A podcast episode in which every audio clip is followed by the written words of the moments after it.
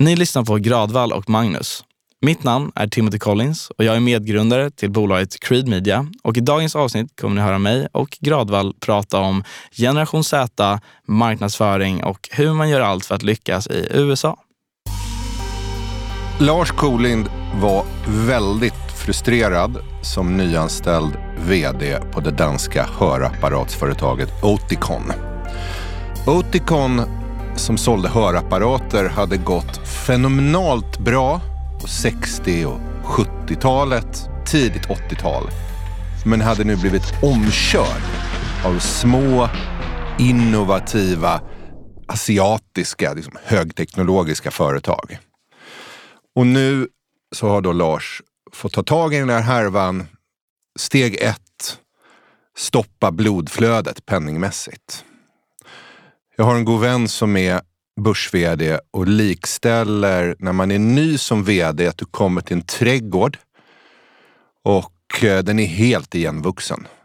Så inte nog med att du inte riktigt eh, ser vad som växer. Det är omöjligt att ta sig fram och fatta beslut. Och alla ropar på dig. Gödsla mer! Plantera rosor! Vi ska satsa mycket mer på rhododendron. Men du måste börja med att bara liksom rensa upp, sly och ta bort och rycka ut grejer. Där är direktör Kolin då, sent 80-tal.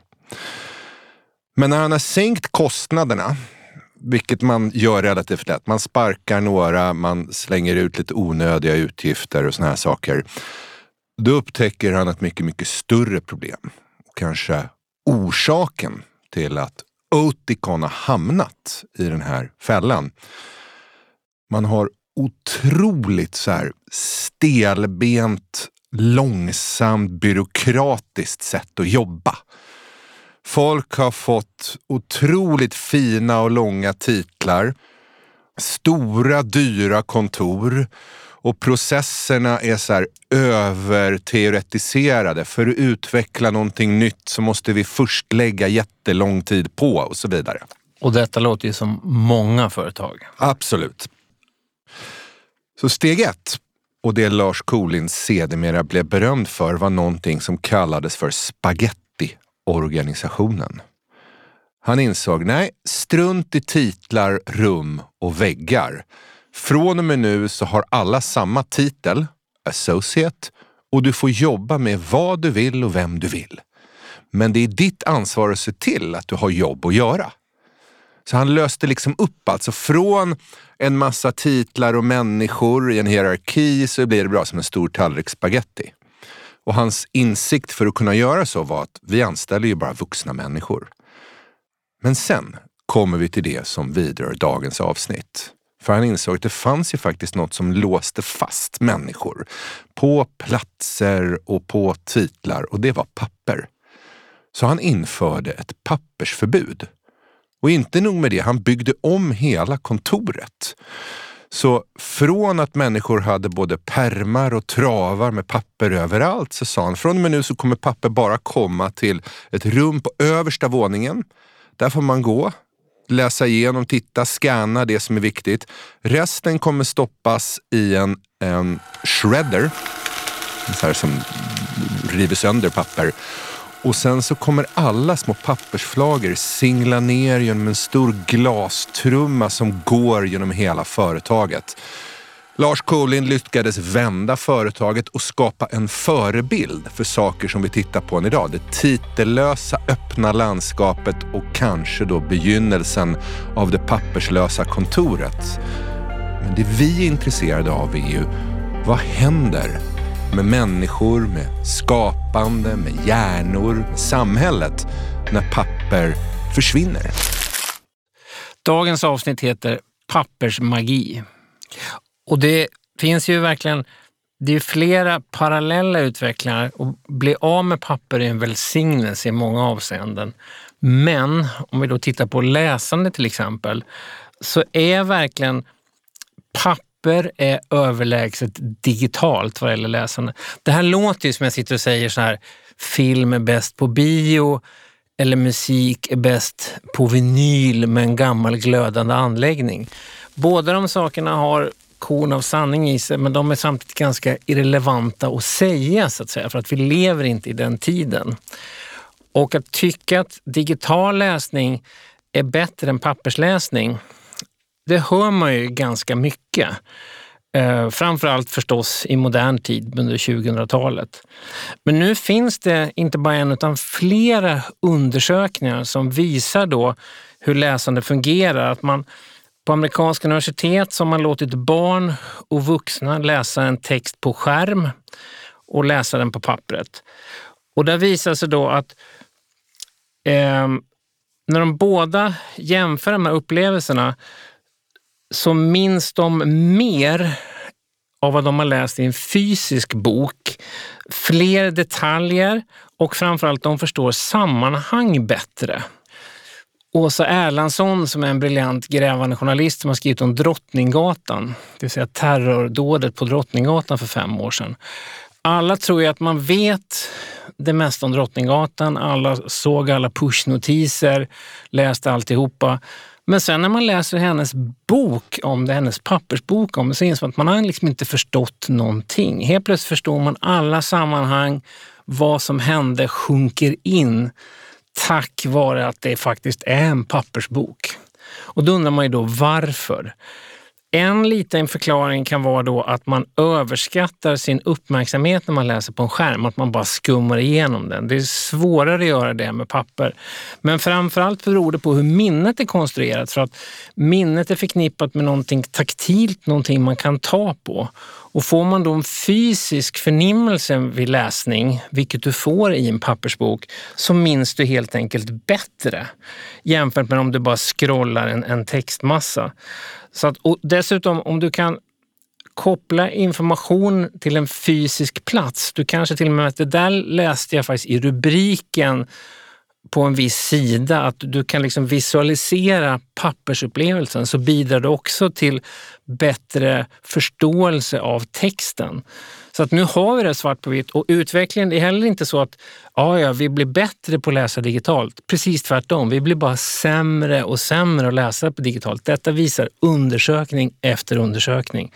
Pappret är överlägset om det handlar om att kanske då läsa en avancerad text som en roman, eh, historia, filosofi och så vidare. Du kan skumma igenom grejer digitalt men annars är pappret bättre.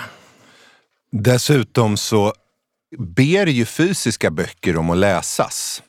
Den gamla berömda frågan vad finns på ditt nattygsbord handlade kanske inte så mycket om vad som faktiskt fanns där, men det handlade ofta om här är några saker jag skulle behöva läsa och så tittar ju en fysisk bok på dig. Det tror jag det är jätteintressant att säga. Det har jag faktiskt inte sett i någon av de här undersökningarna. Men bara det faktum att du med ögat faktiskt ser de här ryggarna varje kväll som du borde läsa gör att de präntas in i ditt minne på ett sätt som de inte gör på samma sätt på en Kindle där det bara blir ungefär som all annan textmassa du har i, i, din, i din powerbook. Men för att låta då som en lätt nostalgisk medelålders sorglig man så är det ju tydligen ändå så att film faktiskt inte är, men åtminstone var bäst på bio. Och när vi ändå är inne på det här hur medier kan påverka hjärnan. När du gjorde film i celluloidformat, så de gamla lite så plastiga filmrutorna där man skickade dem i tre, fyra behållare och så fanns det en liten, liten cirkel uppe i hörnet och då visste biografmaskinisten att nu är det dags att vända eh, rulle. Och den kunde man ju faktiskt se ibland. Ibland medvetet, ibland att det bara, vad var det där? Någonting vitt som bara dök upp sådär. Och så bytte man det. Hur som helst. På den tiden så var inte en film ett konstant flöde. Utan det handlade om rutor som visades så snabbt att hjärnan satte ihop det till en film. Och det här är alltså fram till tidigt 90 eller till och med tidigt 2000-tal när det blev digitalt. Och då fanns det någonting som hette the flicker effect. Och the flicker effect uppstår i hjärnan av de här flimrande bilderna. De flimrar jättefort, du märker ingenting. Du ser ett flöde, du ser en film, du ser Stjärnornas krig, Indiana Jones, vad det nu kan vara. Men hjärnan blir liksom lite lätt hypnotiserad. Så du upp uppgår i ett helt annat tillstånd. Quentin Tarantino pratar ju fortfarande om det. Idag är all digital projektion så du får inte the flicker effect, vilket gör att det är som att sitta hemma framför en Samsung plattskärms-tv. Men förr så fick du det här lite lätt narkotiska, hypnotiska flickereffekttillståndet. Med andra ord, film var en gång i tiden bättre på bio. Men det här handlar ju om att det händer någonting när man använder papper. Mm. Och det är också film, precis som du sa, det är ju en optisk illusion. Det är ungefär som man bläddrar med ett block kan man få en gubbe att röra sig och det bygger på att hjärnan då omvandlar detta till rör, rörlig bild så att hjärnan arbetar när man ser på sån film. Den får ju anstränga sig. Och troligen så påminner det också då om att man kanske minns saker på ett annorlunda sätt, precis som med då papper. Det är ju också, film är ju egentligen papper, massa olika stillbilder från början. Och där, när du ändå pratar om minnet, därför en viktig funktion för läsande är ju minnet och skapa minnen och inlärning. Och då tänker man ju såklart på anteckningar mm. och anteckningens roll. Jag tänkte på det i, i skolan när man satt och, och antecknade. Det gjorde man ju för att man skulle då läsa på de här anteckningarna sen. Läraren sa någonting, eh, en annan elev kanske sa någonting och så antecknade man detta. Men egentligen var det kanske ganska sällan, i alla fall i min del, att man gick tillbaka och faktiskt läste så mycket om anteckningarna. Men där var det själva antecknandets roll som var det viktigaste. Det kan jag också känna på föreläsningar. Bara det faktum att jag sitter där, håller en penna i handen, skriver ner vad en föreläsare som Magnus Lindqvist skriver, är uppmärksam, jag får någonting taktilt och då minns jag det bättre än om jag bara sitter tillbakalutad och inte antecknar. Så det finns ju en, en kombination där, en treenighet kanske man kan säga av papper, penna, hjärna som stödjer varandra. Precis som The Flickr Effect, precis som pappersboken. Ja, och det här har man ju återupptäckt. För i en väldigt digital tid så har ju den fysiska anteckningsboken har varit något människor har velat vilja betala mer för och man har skapat till och med så anteckningsbokfenomen. Ryder Carroll, eh, så här, småskalig entreprenör som hade lidit ganska mycket av sin ADHD. Framför allt i skolan och med inlärning. Han insåg att ett av problemen var att när han tog anteckningar så kunde han inte riktigt skriva så att det passade på raka linjer eller i rutor. Så han ville skapa någonting som hade mycket friare form och uppfann då The Bullet Journal. Samlade ihop, tror jag att det var nästan 100 000 dollar på Kickstarter, en sån här crowdfunding-sajt. Började föreläsa och berätta om det här och några år då in på 2010-talet så blev Bullet Journals, eller Bujos som det kallas för, ett så här gigantiskt fenomen. Människor använder det som anteckningsböcker, scrapbooks, hopsamlingsplatser. Och det är just för att du får den här treenigheten, liksom, där du tar anteckningar, du ser det, hjärnan ser det och sen så rör sig papper, penna, hjärna som i en treenighet. Men också man märker att vilket säkert vi är medskyldiga till i den här podden, att man romantiserar kanske utvecklingen och säger att all utveckling är av godo, allt blir hela tiden bättre. Men det är ju inte så med allting. William Gibson sa någon gång, boken är en haj. Vad han menade med det då, att han syftade verkligen på hajen. En broskfisk som utvecklades för 420 miljoner år sedan. Svårt att ta in. Ännu intressantare om man då tänker på de hajar som fanns under juraperioden, vilket är från 201 till 145 miljoner år sedan. Exakt likadana hajar då som simmade omkring bland T-rex, eh, Velociraptor och så vidare har inte utvecklats. De ser exakt likadana ut. Så att hajen har då klarat minst 200 miljoner år i utveckling tack vare att den inte har utvecklats. Boken är ju faktiskt likadan. Boken har ju då funnits i 800 år, har inte utvecklats alls egentligen och det är bokens styrka. Det är fortfarande papperssidor man vänder på, läser och bläddrar. Så vi läser likadant nu som för 800 år sedan. Det är ingen nackdel för boken, det är styrkan för boken. Alla försök att utveckla boken E-böcker blev ju ungefär som att bläddra i en pdf. Eh, ljudböcker är ett helt nytt medium och det märker alla som läser in någonting de har skrivit som inte anpassat det. Nu för tiden behöver du nästan skriva på ett annat sätt så att det ska funka i ljudboksmiljö. Så boken är verkligen en haj, någonting som inte har evolverat för att det egentligen inte behöver göra det.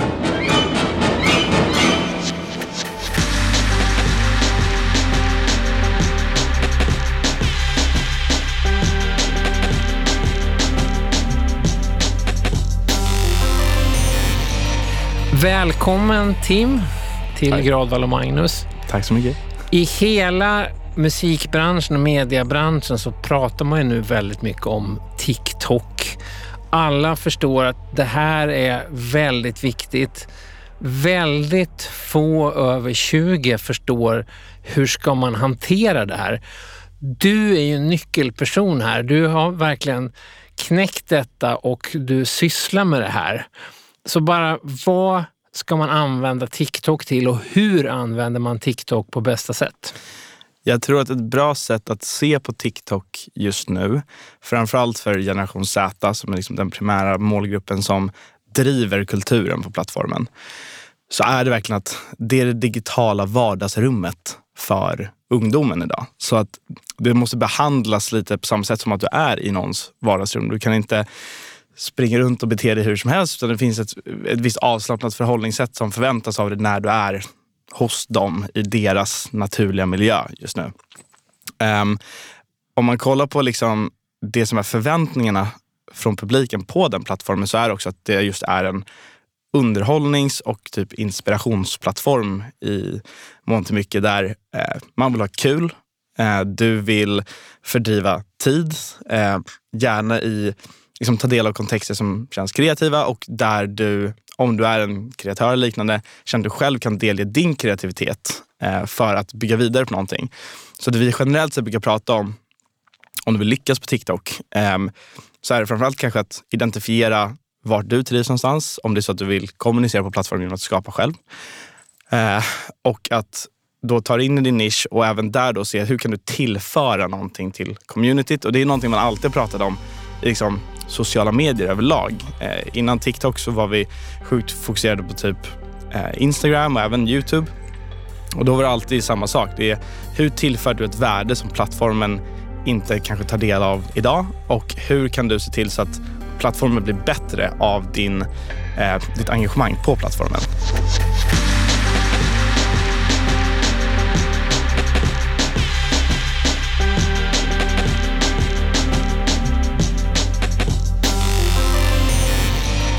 Förr eller senare så blir all mänsklig aktivitet en materialsport. Kvaliteten på utrustningen, materialet, avgör resultatet. Det är det materialsport betyder. Verkligen, och det vet alla som har sett cyklingstrenden senaste tio åren eller Lululemon, det här svindyra yogaklädsmärket. Du ska utöva samma yoga men i mycket dyrare kläder. Men inte minst liksom, när videokonferenserna började bli stort, Zoom, Teams, Webex med många fler så blev det plötsligt viktigt vilken belysning, kamera och rigg du hade hemma. Eh, mitt senaste favoritexempel för alla trädgårdsälskare är knäkudden. För några hundralappar så får du något som ser ut som en pytteliten nuftmadrass där du kan då sätta på knä när du ska liksom påta i jorden. När du säger rigg, då tänker jag direkt på Ed Sheeran.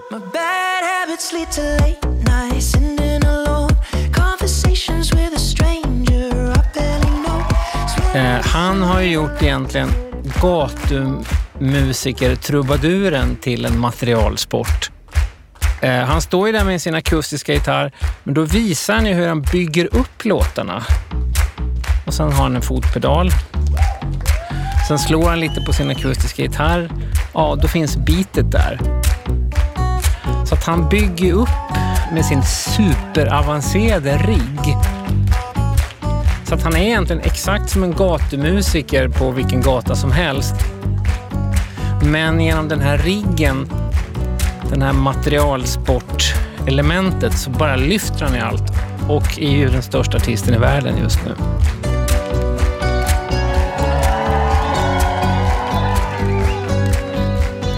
Och här slutar ju de flesta diskussionerna om det. Är det inte lite tossigt att vi idag måste lägga ner så mycket pengar på yoga, cykling eller vara Ed Sheeran? Men här kommer vi in till någonting som blir intressant och lite komplicerande, vilket är att all teknologi har ju en filosofi. All teknologi vill liksom få dig att göra någonting. För att ta några enkla exempel. En, en, en, ta en Apple Watch. Den vill ju få alla människor att leva som en sån här kalifornisk gubbe som är lite renlevnad, räknar sina steg och har koll på blodtrycket. Ungefär som liksom en viss övre medelklass har haft i Kalifornien. Och en kalifornisk gubbe som också har en privatläkare man kan ringa till som inte går till en vårdcentral. Verkligen. Det är grunden till Apple Watch. Facebook vill att alla ska leva som collegestudenter. Uh, ha så många vänner, dela med dig vad du gör, klappa, gör high five, likea och så vidare. Kryptovalutor vill att vi störtar centralbanker. Eh, Red, Reed Hastings, Netflix grundare, sa ett berömt citat i en intervju med Financial Times att han tyckte sömn är en konkurrent till Netflix. Så han vill med andra ord att vi ska sova mindre och titta mera på konstanta filmer och tv-serier.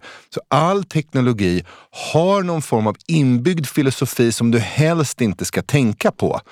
Vi kan ta eh, alltså varför gör Google självkörande bilar med Waymo, deras självkörande bilstartup? Jo, därför att när du inte längre behöver koncentrera dig på vägen framför dig så kan ju du vara fri och titta på en massa gratisinnehåll på skärmen i bilen som såklart Google äger, driver mm -hmm. och skapar. Så, så, och skälet att det här då är stort för att för några år sedan så släppte Shosanna Zuboff den väldigt omskrivna, något kontroversiella boken om övervakningskapitalismen, surveillance capitalism. Det vill säga att du idag betalar med din egen data och uppmärksamhet och i sin tur så har du även om du inte vet det, människor som övervakar vad du gör och håller på med och försöker sälja saker tillbaka till dig. Och då kan man ju tycka att nej, men det är neutralt och det är milt och de här tjänsterna är ändå gratis.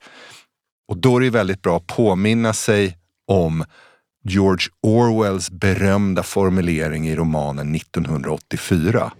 If you want a picture of the future, imagine a boot stamping on a human face forever.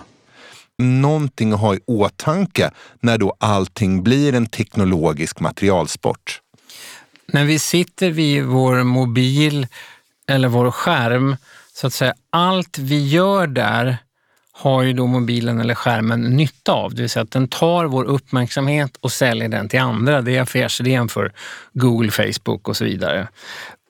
Återigen, pappret, det vill säga hajen. Den är, pappret är ju så gammalmodigt så den vill ju ingenting. Pappret har inget syfte. Den vill inte ha någonting av oss utan pappret finns där och ger information bara. Och inte övervakat Exakt, och inte uppkopplat. Det, det, det ser man ju även på underrättelsetjänster att om det verkligen är hemligt nu för tiden så är det ett papper du skriver på och ger till någon annan. Ingen skulle få först skicka det en dator för då kan ju alla få tag i det. Men det är någonting väldigt vackert med det här väldigt gammaldags papper helt enkelt. Det finns ju som var en underjordisk protestlitteratur kan man säga under östblocket. Det ordet Samistat fick liksom ge namn åt alltihopa. Där man helt enkelt långsamt störtade regimer eller underminerade regimer genom att skriva saker på papper så att säga väldigt så här gammaldags men effektivt och kunde hållas hemligt. Mina egna rötter, med risk för att låta nostalgisk, är ju då att göra ett sånt här punkfanzin. En gammal sorts papperstidning som egentligen inte till, till själva uttrycket och formen inte så olik de här gamla då underjordiska litteraturen eller magasinen som fanns. Det är ungefär samma princip, att som ett alternativ till det stora makten mainstream så hittar man på någon egen underjordisk rörelse. Och det viktiga när du berättar om fanzinet, det är ju att Man brukar säga att en av de viktigaste dimensionerna av att en ekonomi är fri, det är att du får uppfinna saker utan att be om tillstånd.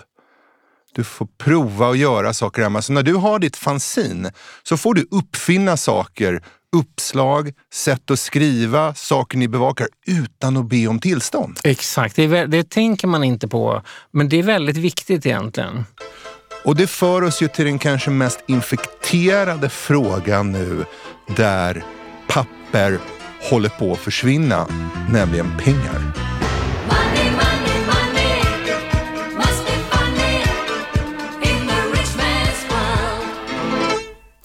Cecilia Skingsley, nationalekonomen, hon har förutspått att det sista myntet och den sista sedeln i Sverige kommer att ha lämnats tillbaka till Riksbanken år 2030. Ja, och man ser ju nu för tiden när du får se en mynt och sedel så säger man ju ofta, jaha, är det så här den ser ut? För att i Sverige har ju fysiska mynt och sedlar successivt senaste åren i princip fasats ut totalt. Mm. Och tänker man då 2030 om åtta år, det är nog helt realistiskt för det, vi använder det egentligen inte längre. Därigenom så förändras ju dock synen på pengar. Vad är liksom värdet av 500 kronor?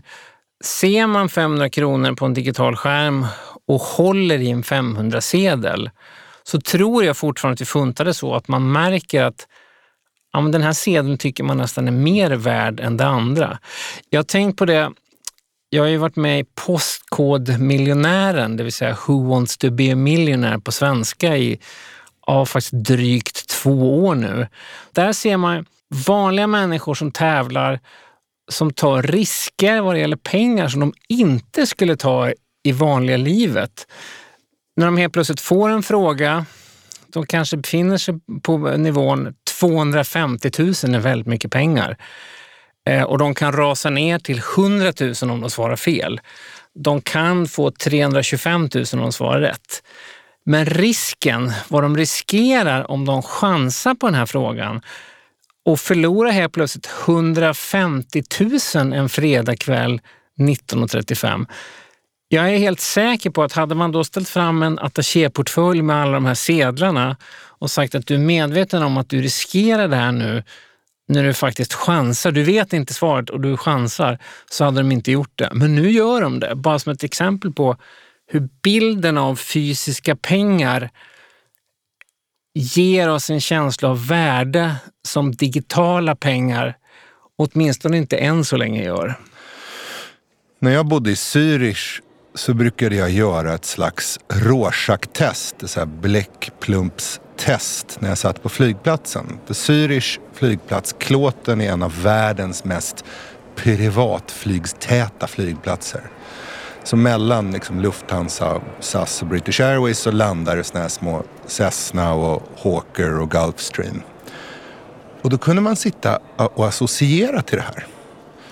Och som den medelklassmänniska jag då är så funderade jag över vem sitter ombord på planet och hur känner jag det? Och om man då tänkte att det var någon framstående duktig entreprenör, Oprah Winfrey eller Hjalmar Winblad, svensk entreprenör, grundade Pedal, budfirman, byggde ett eget digitalt kommunikationssystem för att hålla koll på var bilarna befann sig som han sen sålde till Microsoft under namnet Sendit. Det är Hjalmar Winblad. Liksom. Helt egenskapad, började med att städa trappuppgångar. Samma sak som Oprah Winfrey. Kämpat på bra. Då känner man så här, det är klart de ska ha en privatjet, tänker man. Goda för några hundratals miljoner, kanske till och med en miljard. Sen tänkte man så här, men det kanske sitter någon idrottspersonlighet. Eh, Naomi Osaka för att ta en framstående tennisspelare idag, eller, eller Zlatan. Goda för flera hundra miljoner, kanske till och med en miljard. Och så känner man, nej men det är väl bra. Det är ju en viss slumpmässighet i sport så tillvida att det är svårt för en 1,70 meter lång människa och bli bra på basket och så vidare. Och, och löpning, muskler och så vidare. Men det är ändå hårt jobb. Sen kan man ju tycka vissa saker om attityder, men spelar roll. Nej, men det, det är bra. De, de, har också, de har också rätt att åka privatflyg. Och sen kunde man tänka sig att Bashar al-Assads fru Asma al-Assad Så den här blodtörstiga diktatorn i Syrien som har slaktat sin egen befolkning med Rysslands hjälp. Hans fru brukade under pågående folkmord roa sig med att åka med privatjeten och shoppa i London.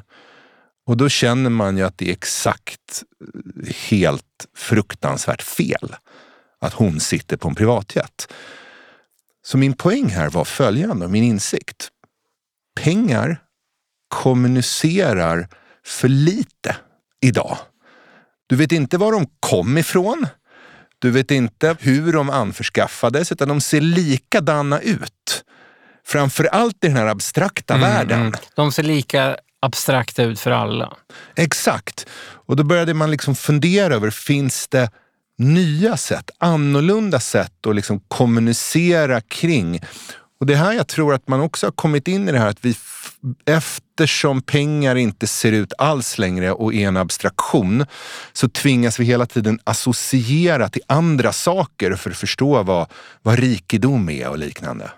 Precis som det föder en renässans för pappersböcker, det vill säga man vill hålla i någonting, så ser man ju en renässans för att äga saker fysiskt nu. Vi behöver inte äga saker fysiskt, men ändå så vill vi det. Man kan kolla musikbranschen med då vinylskivor, har det talats om länge att det finns en renässans där.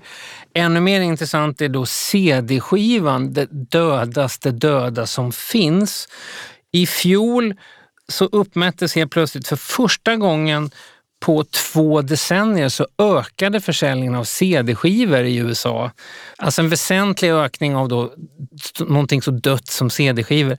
Kassettband lika så, att folk vill faktiskt hålla i det. För att man kan inte hålla i någonting annat nu för tiden. Vill man åtminstone hålla i sitt kassettband, sin CD-skiva, sin LP-skiva. Och det för oss ju osökt in på ämnet parasiter. Parasiter, då kan man tänka på man kan faktiskt tänka på sugfiskar, sådana som finns parallellt med hajen. Det kanske inte är korrekt parasiter, men som samexisterar med detta. Powerpoint är ju otroligt fascinerande uppfinning som nu finns överallt. Det är egentligen en sorts vidareutveckling på forna tiders diabilder eller presentationer på stora tavlan. Att man visar någonting digitalt, så här ligger det till så att säga. Och Powerpoint uppfanns 1987. Då var det enbart till för att Microsoft ville uppfinna någonting som underlättade för affärsmän som ville göra presentationer. Det var det det var gjort för.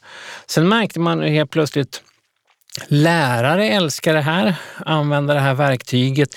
Elever tyckte om det, filosofer tyckte om det. Så att Powerpoint börjar helt plötsligt få ett eget liv och är fortfarande exakt lika populärt 33 år senare. Det finns Powerpoint-konst. Så David Byrne som har testat nya saker hela tiden har då experimenterat med, med konst genom Powerpoint, vilket är väldigt roligt. Just att parallellen här med sugfiskar och parasiter är ju att man har ju förlöjligat Powerpoint. Men ändå har det hängt med och utvecklats konstant. Mitt favoritskämt för övrigt på ämnet det var Janne Gradvall eller liknande kommer till helvetet. Och det värsta är att det är ganska schysst i helvetet. Det verkar ganska trevligt och det är fullt av en massa syndare. Men så ställer Janne frågan till djävulen, vem äger helvetet? Och får svaret, en fond. Vem äger den fonden? En annan fond. Och varje gång som djävulen berättar det så visar han en lång powerpoint-presentation. Otroligt kul. Men, men hur som helst, problemet med powerpoint, och nu ska vi koppla det här till papper. Det handlar ju om att det kan förvränga vårt sätt att tänka. Det kan liksom styra våra tankar i fel riktning. Det har man ju själv upplevt när man sitter där och kollar på någon som håller en powerpoint-föreläsning. Man fattar ju inte allting. Det är vissa saker som man egentligen kanske tycker att hade de visat det på papper hade man kunnat se de här hålen och peka på, men hänger det där ihop? Ja, men det ser, det ser bra ut med de här cirklarna som går i varandra. Klassiskt exempel i Powerpoint. Eller att man bara staplar fakta på efter varandra helt enkelt. Det finns ju ett exempel som till och med har lett eh, rubriken till rubriken Death by PowerPoint som var i Columbia-katastrofen 2003 On February 1st, 2003, Space Shuttle Columbia was returning home from its 28th mission when disaster struck. The shuttle broke apart over Texas and Louisiana as it re entered Earth's atmosphere. All seven crew members on board were killed. Då gick man tillbaka sen och visade hur teknikerna kommunicerade vad som var problemen med rymdfärjan, styrkan och problemen inför då NASA. Och då har man till och med pinpointat exakt vilken powerpoint som var problemet. För att teknikerna förklarade att det fanns en, någonting, något material på rymdfärjan som man egentligen inte hade testat. Man visste inte hur det här skulle hålla. Man hade bara testat det på någonting som var 600 gånger mindre än den verkliga storleken. Des, detta stod då på en av de här powerpointen de visade. Men det stod ju liksom bara där som ett fakta bland annat. Det stod inte liksom highlight att det här är ett stort problem, utan det var bara någonting som man kunde då säga, okej, nästa bild då. Så att det här slank ju igenom. De skickade iväg den här färjan utan att faktiskt veta exakt hur material X skulle klara av pressen på det här sättet, för det hade aldrig testat. Och katastrofen var ett faktum. Samma invändning, just den här punktifieringen. Man brukar ju skämta “there is no power and what's the point” med PowerPoint. Men samma problem såg general H.R. McMaster, hög general i amerikanska armén, sedermera nationell säkerhetsrådgivare. För han sa, i verkligheten så är ingenting punktlister på det här sättet. Allt sitter ihop. Vilket kan liknas med Lars Kolins insikt att folk har liksom inte titlar och rubriker i naturen utan saker hänger ihop ungefär som en tallrik spaghetti. En annan dimension och ett faktiskt genuint stort problem med PowerPoint till skillnad från handskriven text, att du ser inte hur länge människor har tänkt. Om du har jobbat på en PowerPoint-bild i tre minuter ser det likadant ut som om du har jobbat med den i tre år. Så du kan verkligen förvränga. Jag föreläste för några år sedan för stort svenskt försäkringsbolag fullt av eh, en massa män i mörkblå kostymer, ljusblå skjorta utan slips. Och de hade som kärnvärden att vi ska vara närvarande, pedagogiska, vi ska vara liksom kundens försäkringsbolag, vi ska vara mänskliga. Och lik förbannat skickar de ju ut såna här förtryckta broschyrer med besked, du vet pyramider och färgglada cirklar och så vidare. Så mitt råd till dem var från och med idag, skriv all korrespondens med alla kunder för hand. För då blir ni förståeliga, mänskliga och tvingas bli pedagogiska. Alla skrattade, de gjorde ingenting åt det. You suffer alone, then you start writing. Vem som nu har sagt detta har ju förstått någonting. Skrivande har i alla tider varit en form av exorcism egentligen, en form av traumabearbetning. Att man genom att föra pennan till pappret så berättar man vad man har varit med om. Och det finns också en fördel att det finns en långsamhet i detta. Du kan inte skriva snabbare än snabbt på ett kollegieblock, utan det blir lite långsamt. Det är intressant när man tittar på om man kommer till ett hem för behandling av beroende. Jag vet flera olika personer, både bekanta och folk jag intervjuat, som har liksom berättat vad som händer på ett sånt där hem. Man kanske kommer till ett hem och så är man där tre, fyra veckor. Man bearbetar sina problem, tar itu med sitt beroende. Och vad alla de här vittnade om, framförallt en musiker jag intervjuade, var att man satt och skrev i kollegieblock hela tiden. Det var en sak att berätta för en terapeut, så här gick mitt liv snett, jag hamnade si och så. Men genom att skriva det väldigt långsamt i kollegieblocket så blev det en traumabearbetning av själva skrivandet också. Det är intressant att man 2020-talet fortfarande använder det här penna och papper i kollegieblock. De skulle kunna ha skrivit allting digitalt mycket snabbare, läst in det eller förlåt skämtet, gjort en powerpoint av sitt eget liv så att säga. Men det är de här väldigt gammaldags kollegieblocken, att man skriver ner sina tankar och då förstår man sina tankar. Jag tänkte på det när jag läste Teatern av teaterregissören Jenny Andreasson. Uppburen, framgångsrik, feministisk teaterregissör som får ett hedersuppdrag att regissera Hamlet på Dramaten i Stockholm. Och av fiaskologiska skäl så går hela projektet åt helvete. Det är en nyanställd teaterdirektör som beter sig lite konstigt. Hon får inte riktigt med sig ensemblen, eller åtminstone känner det. Det här blir ett trauma. Och förr hade man alltid sagt du måste direkt debriefa traumat eller gå och prata hos en psykolog fort. Men man märker, för det har gått några år, när de får tid och perspektiv att skriva ner långsammare så blir det inte bara en gripande, både liksom, tragisk och stundom komisk berättelse för oss läsare, utan sannolikt också en läkande process för Jenny Andreasson.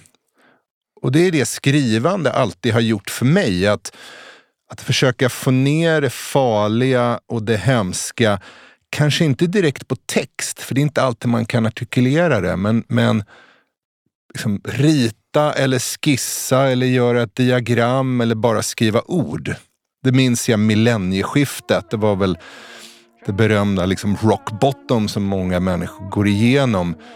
Då köpte jag en relativt billig anteckningsbok och lät bara varje sida fyllas av det jag råkade känna.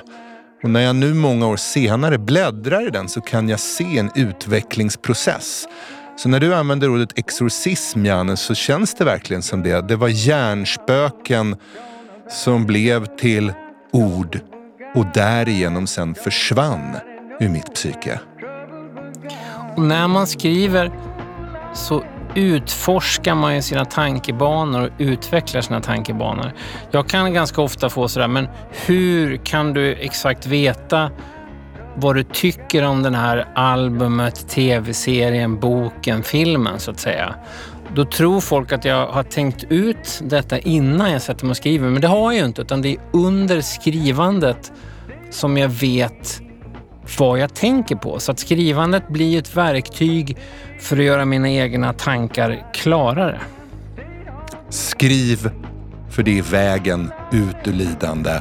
Läs på papper för att uppleva det närmaste vi kommer, the flicker effect.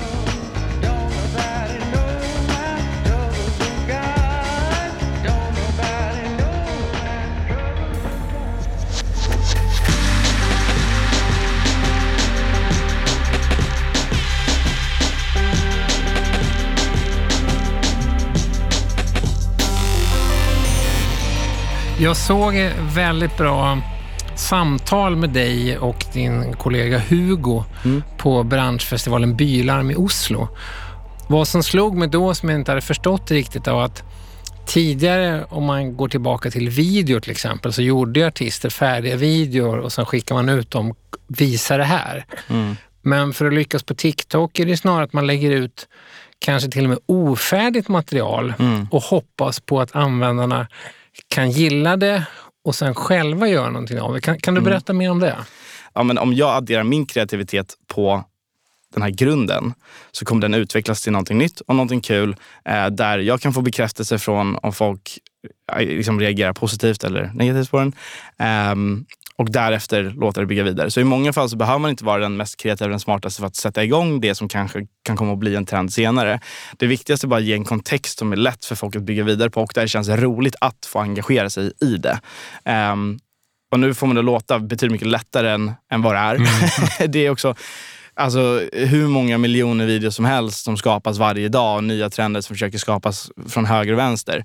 Ehm, men det är lite där också handlar om att så just hitta vart ens egen målgrupp eh, existerar och hur man når dem på bästa sätt. Eh, genom att så här, vilka trender ska man själv vara med i? Hur ska man interagera i kommentarsfälten och visa att man existerar. Jag tror att i alla de här sammanhangen och som, som det är i vilken social kontext som helst så måste du alltid eh, visa att du vill investera någonting i det större communityt. Mm. Det funkar bara om artisten själv förstår det och är aktiv i det. Alltså om de vill bygga sin egen plattform, ja. Sen i många fall så är det så här, många artister vill inte vara på plattformen och känner att de inte är bekväma att liksom kommunicera visuellt överhuvudtaget. Och i de lägena så eh, kan det snarare vara att så här, samarbeta med folk som vill göra det. Så det kan vara att arbeta med influencers eller liksom kanske andra artister till och med som lite på något sätt för deras talan och lägger grunden för det som de ser talar för hur deras digitala identitet ska, ska te sig. Typ. Jag tror första gången som jag hörde talas om dig, jag tror även träffade dig då, var när du jobbade med Ash Mm. un, under Avicii-tiden på At Night. Hur, hur gammal var du då och hur hamnade du där? För att då, redan Mm. då jobbade du väl med sociala medier? va? Ja, typ. alltså, det var lite lustigt. Jag kommer inte ihåg exakt ihåg hur gammal jag var. Jag tror att det var året när jag fyllde 19 som jag började jobba på At Night. Um, ehm, och det var egentligen så att jag var jätteintresserad av musikmanagement. Tidigare så hade jag varit producent och låtskrivare och även gått en musikskola som heter Rytmus och var liksom musiker och hade väl en bild av vad jag trodde att musikindustrin var för någonting till att jag senare insåg att den industrin jag hade varit i längst var musikerindustrin. Så det var en helt annan del av musikbranschen. um, och jag märkte allt, allt mer ju äldre jag blev, eh, från, eller så här, från att jag var 16 till att jag blev 19 då. att eh, jag var mer och mer intresserad av liksom det som handlade om mer kring projektledande och eh, businessdelen egentligen kopplat till alla aspekter av det. I bandet så blev det att jag var den som bokade allting. Jag var den som liksom skolkade från skolan för att ringa ner varenda bluesbar som fanns i hela Sverige och försöka få in oss där. Sen så blev det att jag satte upp lite så här evenemang runt om i Europa och hjälpte ett koncept som heter Party Like Gatsby som var liksom ett klubbkoncept. Och då var det liksom planera det kreativa, bygga upp en storytelling för att publiken skulle få det så bra som möjligt. Och så blev det ofta att jag skulle också spela i bandet men då blev det att jag tyckte det var roligare att liksom arrangera hela evenemanget snarare än att stå på scen. Eh, och där någonstans så var det också att jag eh, hjälpte min bror som var aspirerande artist. Eh, att så här, hjälpa honom lite hur han skulle gå tillväga. Och då var det väl framförallt däromkring som jag sa, okay, men jag, behöver, jag behöver fatta hur det funkar på riktigt för att kunna göra det här ordentligt. För att jag har alltid varit väldigt nyfiken av mig och kände att jag antog att det skulle finnas mycket mer till det än vad jag trodde att det var. Och då blev det att jag, min mamma, är, det är så många konstiga vägar som möts liksom, i hur det här händer. Men där någonstans i tajmingen då så var jag intresserad av att förstå business-sidan av det. Min mamma eh, är ballettlärare och eh, springer in i en av sina elevers föräldrar i New York där hon kände till att han hade en koppling till Spotify. Började prata om Spotify med honom. Bara min son intresserad av liksom musikbranschen och bla bla bla. Och då blev det att han kopplade ihop mig med en vän som heter Assia Grazioli som eh, jobbade på Spotify som eh, jag då träffade på eh, först videolänk och liksom pratade lite med henne och berättade hur jag ville. Hon tyckte att det lät kul att jag var så ambitiös och allt sånt där. Och då var det väl lite att så här, hon bara, men jag kan göra så att du får en, en träff med eh, Ashs assistent Jenny McLeod. Um, och då när jag träffade Jenny så sålde jag väl liksom sålde jag mig själv till att bara, jag kan göra vad som helst bara jag får liksom interna och bara lära mig från det. Bara, vad ni än behöver. Eh, ni behöver inte ens se mig där. Jag kan gömma mig i mörkret och bara lösa grejer. Typ. Um, och så blev det att jag var där en månad genom praktik. Sen så när praktikplatsen var över så bad jag om att få stanna ytterligare ett halvår. Och bara, återigen, bara, jag behöver inte ha betalt. Jag vill bara att jag hade sparat pengar från när jag var musiker och bara, jag kan bara leva på dem och bara köra. Liksom. Sen sa de att även du måste få betalt. Så att du får stanna kvar och liksom köra praktikant-mode. Um, och sen däromkring, det var väl då de bara, men du är ju 18 eller 19 typ. Uh, du borde ju kunna det här med sociala medier. Uh, och då är det också värt att nämna att jag, alltså jag kunde ingenting om det. Eh, för jag är också riktigt så här old soul. Jag lyssnar på blues och jazz. Det är så här, jag trodde Avicii stavades med dubbel C. Liksom. Eh, och bara totalt off. kunde ingenting om dansmusik. Eh, men då blev det att jag intresserade mig och började nörda ner mig ganska mycket i så här, hur communities formas. Varför kunde vissa saker växa snabbare än andra? Började gå in liksom hur algoritmerna på sociala medier funkade, framförallt på Instagram. Då. Och så var det främst ett tillfälle ur en ren frustration där jag såg massa liksom, konton på Instagram som hade vuxit eh, till att bli väldigt stora, som jag tyckte var skitdåliga. Och jag bara, hur fan kan det här kontot bli så jävla stort? Bara, då måste det vara det enklaste på hela jorden. Så här, om det där kan bli stort, då måste jag kunna få vad som helst att bli stort. Ehm, och då blev det att jag startade tillsammans med en vän i USA en eh, danssida på Instagram som heter Ghost of Dancing. Som på fyra månader fick två miljoner följare. Så det blev en av världens största danssidor på sjukt kort tid. Och vad Ehm, innebär danssida? då var det, liksom, det var en sida av aggregerat innehåll av dansvideos. Um, så det var lite så här kommersiell dans, streetdance. Det var inte dansmusik kopplat utan det var mer liksom dans, dans. Och det kommer egentligen från att jag alltid varit intresserad av dans. Eh, på grund av att mina båda föräldrar är balettdansare, hela min, alla mina syskon dansar och allt sånt där. Jag är äldst men alla mina småsyskon dansar. Eh, jag gjorde det lite också men insåg att det var inte min grej. jag gillade gitarren. Eh, och då var det väl också en del i att jag visste att musikbranschen hade ett generellt sound-on-problem vid det tillfället på sociala medier, vilket innebar att många spenderade mycket pengar i marknadsföring på Instagram till exempel, men där du inte visste ifall publiken faktiskt lyssnade på musiken som marknadsfördes. Så det kunde vara en jättebra video säkert, men med någonting som inte krävde att du egentligen såg den med ljud på. Eh, och då var väl tesen att ja, men, då är det bra att bygga en dansplattform på Instagram för att kollar du på dans utan musik så är det bara folk som vevar med sina armar och gör konstiga grejer med sina höfter. Eh, och det känns som att folk borde vara intresserade av att då sätta på musiken. Ehm, och det fanns ju då en liksom, synergi med att vi ville marknadsföra genom liknande saker. Så det var därför jag nördade ner mig på det spåret. Men sen därifrån så träffar du, som du har grundat företaget med, Hugo. Mm. Men ni, ni var ju liksom konkurrenter i början har Mm. jag förstått det som. Kan du bara dra en, en kort version av den? För att ni, ni Absolut. försökte ju nästan förgöra varandra och sen blev ni Absolut. partners. Absolut. Nej, vi hatade varandra. ja, nu är vi bröder liksom, idag. Nu är vi supernära. Eh, delat samma säng i tre år liksom, varje gång vi är ute och reser. Så att, eh, nu är vi nära. Men då var vi inte nära.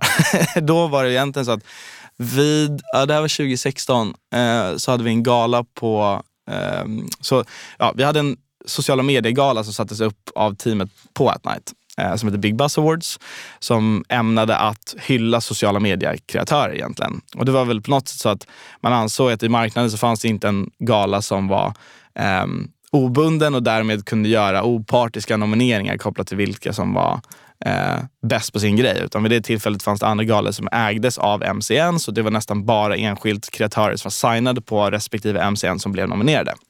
Då var det så, okay, men då vill jag göra något som alla kan ta del av. Eh, jag var, in, eh, var väl ansvarig för att hitta dem, den initiella poolen av kreatörer som vi ansåg hade högst kreativ höjd och hade gjort mest av det de kunde på plattformarna som de var på. Um, och I det här då så letade vi också lite så vad kan vara en intressant PR-vinkel som gör att det här står ut lite från, från alla andra. Och då var det så, okay, men ingen har nominerat plattformen Musically som en officiell kategori tidigare. Och Det var en väldigt snabbväxande plattform vid det tillfället. Och Musically är ju då plattformen som sen blev TikTok. Um, och då när jag började liksom gå in och djupdyka i Musically för att se lite så här, vilka finns det här så märkte jag att i samband med att jag gjorde det och det gick några dagar emellan att jag gick och letade efter folk då, så märkte jag hur snabbt folk växte. Jag bara, shit det här är fan, det här är fan underligt. Eh, det här är några liksom 12 till 14, 16-åringar som växer med 50 till 100 000 följare om dagen under det här spannet som jag kollade. Jag bara, det här, är, det här har jag aldrig sett förut i Sverige. Och det är just svenska kreatörer också. Um, och då var det också lite så här, det här är en musikplattform. Man började prata lite om hur den kunde integreras med musikbranschen och hur viktig den kunde komma att bli. Då fanns det väl en, in, en, ett intresse från min sida att så här, men vi borde kanske sätta upp en subdivision under oss som signar influencers i ett space som är mer närkopplat till musik. Men vi kan inte göra det under galan för då är vi inte opartiska, så vi måste vänta tills galan är slut. Ehm, så jag fokuserade på att liksom, se till så att vi genomförde galan, alla skulle vara glada, det skulle bli bra. De pratade mycket med oss under tiden som galan var för att de märkte att de fick så sjukt mycket uppmärksamhet från både media men också varumärken och folk började be dem om tjänster och de visste inte, här, vad, vad, ska vi ta betalt för sådana här saker? Och bara, vad, hur ska vi göra det här? Och då var det lite att man vägledde dem under galans gång. Så det var lite som att man var ett managementstöd på ett sätt under tiden som det hände. Um, Varpå när vi sen då skulle träffas och vi hade diskuterat så här, ah, men vi kan nog hitta ett, ett, liksom, något form av management-samarbete här. Så dyker ingen upp. Och jag, och jag sitter där då och fattar inte varför ingen kommer. Eh, och ringer upp en av föräldrarna som bara, nej men ah, jag vet, inte, jag vet inte om ni kan det där riktigt med management. Jag bara, så här, ja men vi, eller, vi byggde ju Avicii. Eller så här, vi, det, det finns inget bättre management som har lyckats med mer än eh, At Night just nu. Ehm, och de bara, nej men det finns en grabb som heter Hugo Le Prince och säger att man inte kan lita på er. Eh, framförallt på dig. och jag bara, vem fan är den här Hugo Le Prince? Och, ehm, ja, då får jag reda på det här och jag bara, okej okay, det här är skitkonstigt, fan vad irriterande, vem fan är den här idioten? Går ner och ska ta en kaffe med en kollega på eh, Strandvägen 1 då, som var under vårt kontor eh, restaurangen Strandvägen 1. Och när jag sitter där så kliver alla de jag skulle träffat in på restaurangen. Och det är så här, jaha, men vi skulle inte ses och så märker jag att de går inte mot mig utan går till ett annat bord. Och där sitter en grabb i liksom Gucci-caps, Metallica t-shirt och eh, ripped jeans och lägger fram massa papper som jag då uppfattar som så här, det där är ju, det är ju avtal. och så ser jag hur folk sitter och skriver på de här papperna och då är min känsla att det där är den här jäveln Hugo Le Prince som stjäl min idé under mitt skrivbord framför mina ögon. Um, och därefter så blev det ju liksom någonstans en, ett aktivt uppdrag att se till så att eh, hans liv skulle bli ett helvete. och han kände samma sak med mig. så det gick där liksom att vi, för jag lyckades eh, börja arbeta med några av de största profilerna i Sverige då på Musical.ly och han hade i princip varenda en utöver dem. Då blev det att vi sprang in i varandra, liksom pitchmöten, liksom så här, hissen till Daniel Wellington. Liksom, står man där och bara, ah, fuck är du här också. Liksom.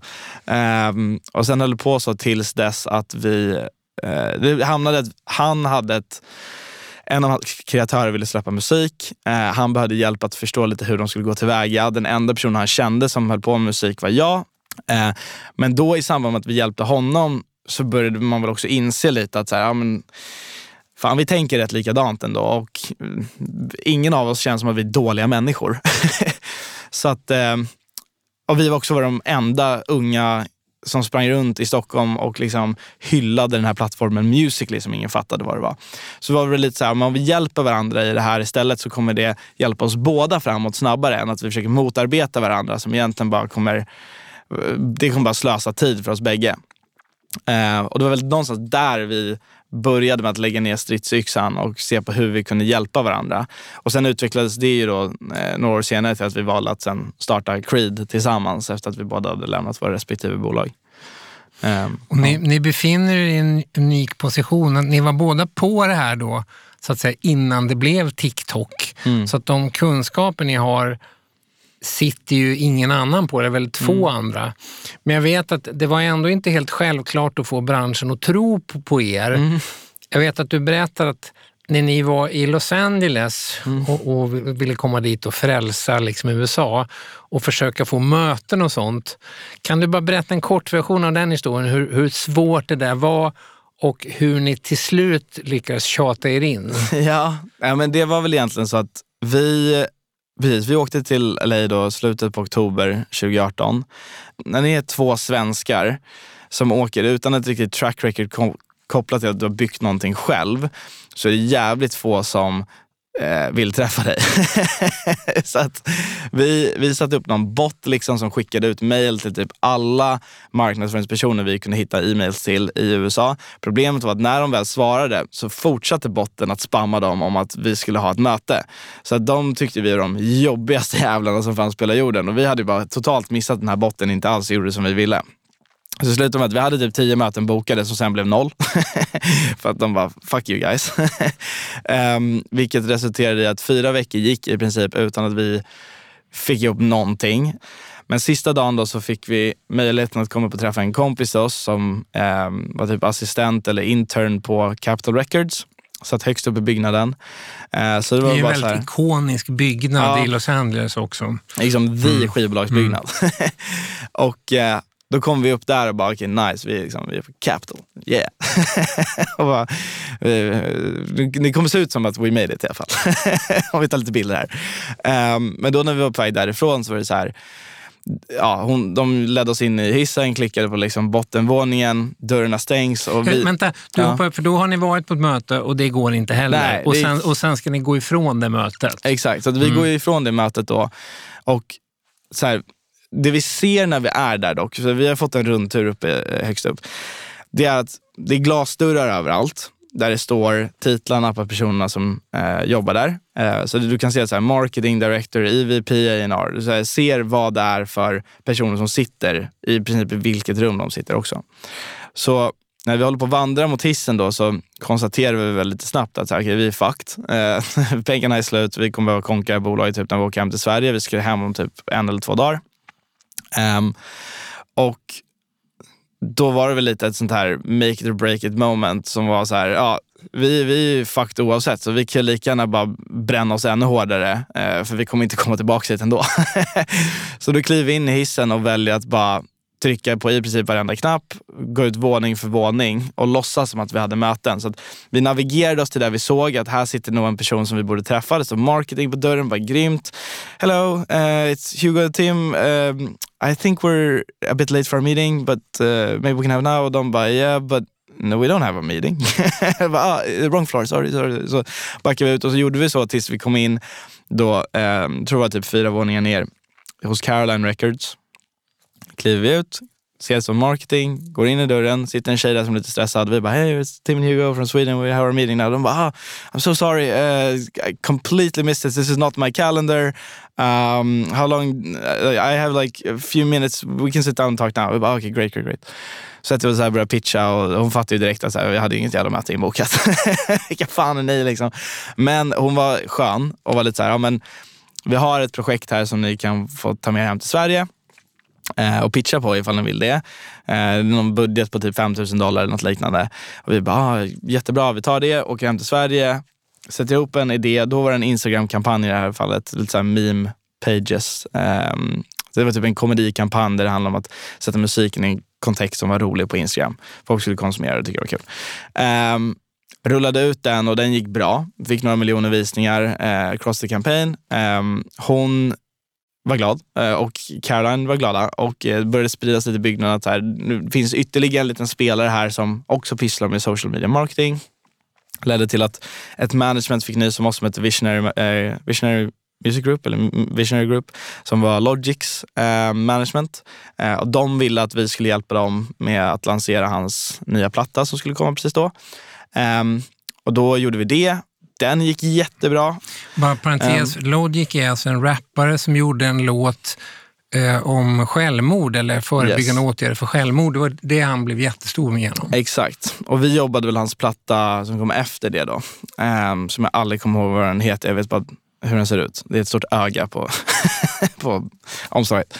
Ehm, men då, då jobbade vi den och den gick jättebra. Och då började det managementet prata om oss till massa andra. För de var lite så här, om vi hjälper de här grabbarna att få lite business kommer vi få billigare kampanjer. Typ. um, och då började det väl bli egentligen att så här, varenda dollar vi tjänade återinvesterades i nya biljetter tillbaka till USA. Där vi åkte liksom mellan Stockholm, New York, LA och sen även London. Och eh, jag skulle säga varannan vecka så var vi liksom i princip i en ny stad. Eh, gick runt, det var liksom alltid så att eh, hur dynamiken var väldigt mycket Hugo var den som liksom drog sjukt mycket energi. Jag var liksom the hype man in the room och fick alla liksom bli helt så här shit de här grabbarna. Och sen så kommer jag och ska liksom någonstans försöka smala av alla idéerna till att bli liksom exekutiva idéer som går att göra någonting med. Um, och då var det så här, vi klev ut från ett möte, vi hade fått typ fem låtar som vi skulle skriva proposals för. Liksom promenerar på Manhattan, jag håller liksom Hugos ryggsäck medan han leder mig till nästa möte. Vi står och bollar idéer medan jag, vi båda lyssnar på låtarna i liksom airpods. Står och liksom så här, skriver ihop allting, skickar det, går in i nästa möte och så bara höll det på sådär. Jag tror att vi snittade liksom typ 8 till 10 möten om dagen under den här perioden. Satt på hotellrummet sen på natten då och satt och liksom utförde alla kampanjer. Skrev till influencers, skrev till meme pages, skapade content och höll på sådär. Eh, så 2019 var liksom ett jävla hästår. och sen så i slutet på 2019 så blev vi involverade i en kampanj som hette, eller för en låt som heter Falling av en artist som heter Trevor Daniel. Och den låten eh, blev en av de största låtarna på TikTok det året. Eh, och under 2019 så var det liksom så här tre, tre låtar som huvudsakligen sågs på som så här, the validation av TikTok som the platform to break music. Och det var Lil Nas X Old Town Road, det var Arizona Service Roxanne och så var det Trevor Daniels Falling. Och i och med att vi hade då varit involverade i den så blev det väldigt mycket så att när pandemin då slog, som var typ tre månader efter, att vi hade gjort den. Då blev det att väldigt många i musikbranschen började luta sig mot oss just kopplat till så här, hur gör man på TikTok. Eh, och det var där vår uppskalning började. Så var liksom, 2020 var vi sex pers eh, på heltid i början eh, och nu är vi närmare 90 eh, idag. Så det har varit liksom en sjuhelsikes jäkla två år. Tack snälla Tim Collins för att du ville komma hit. Tack.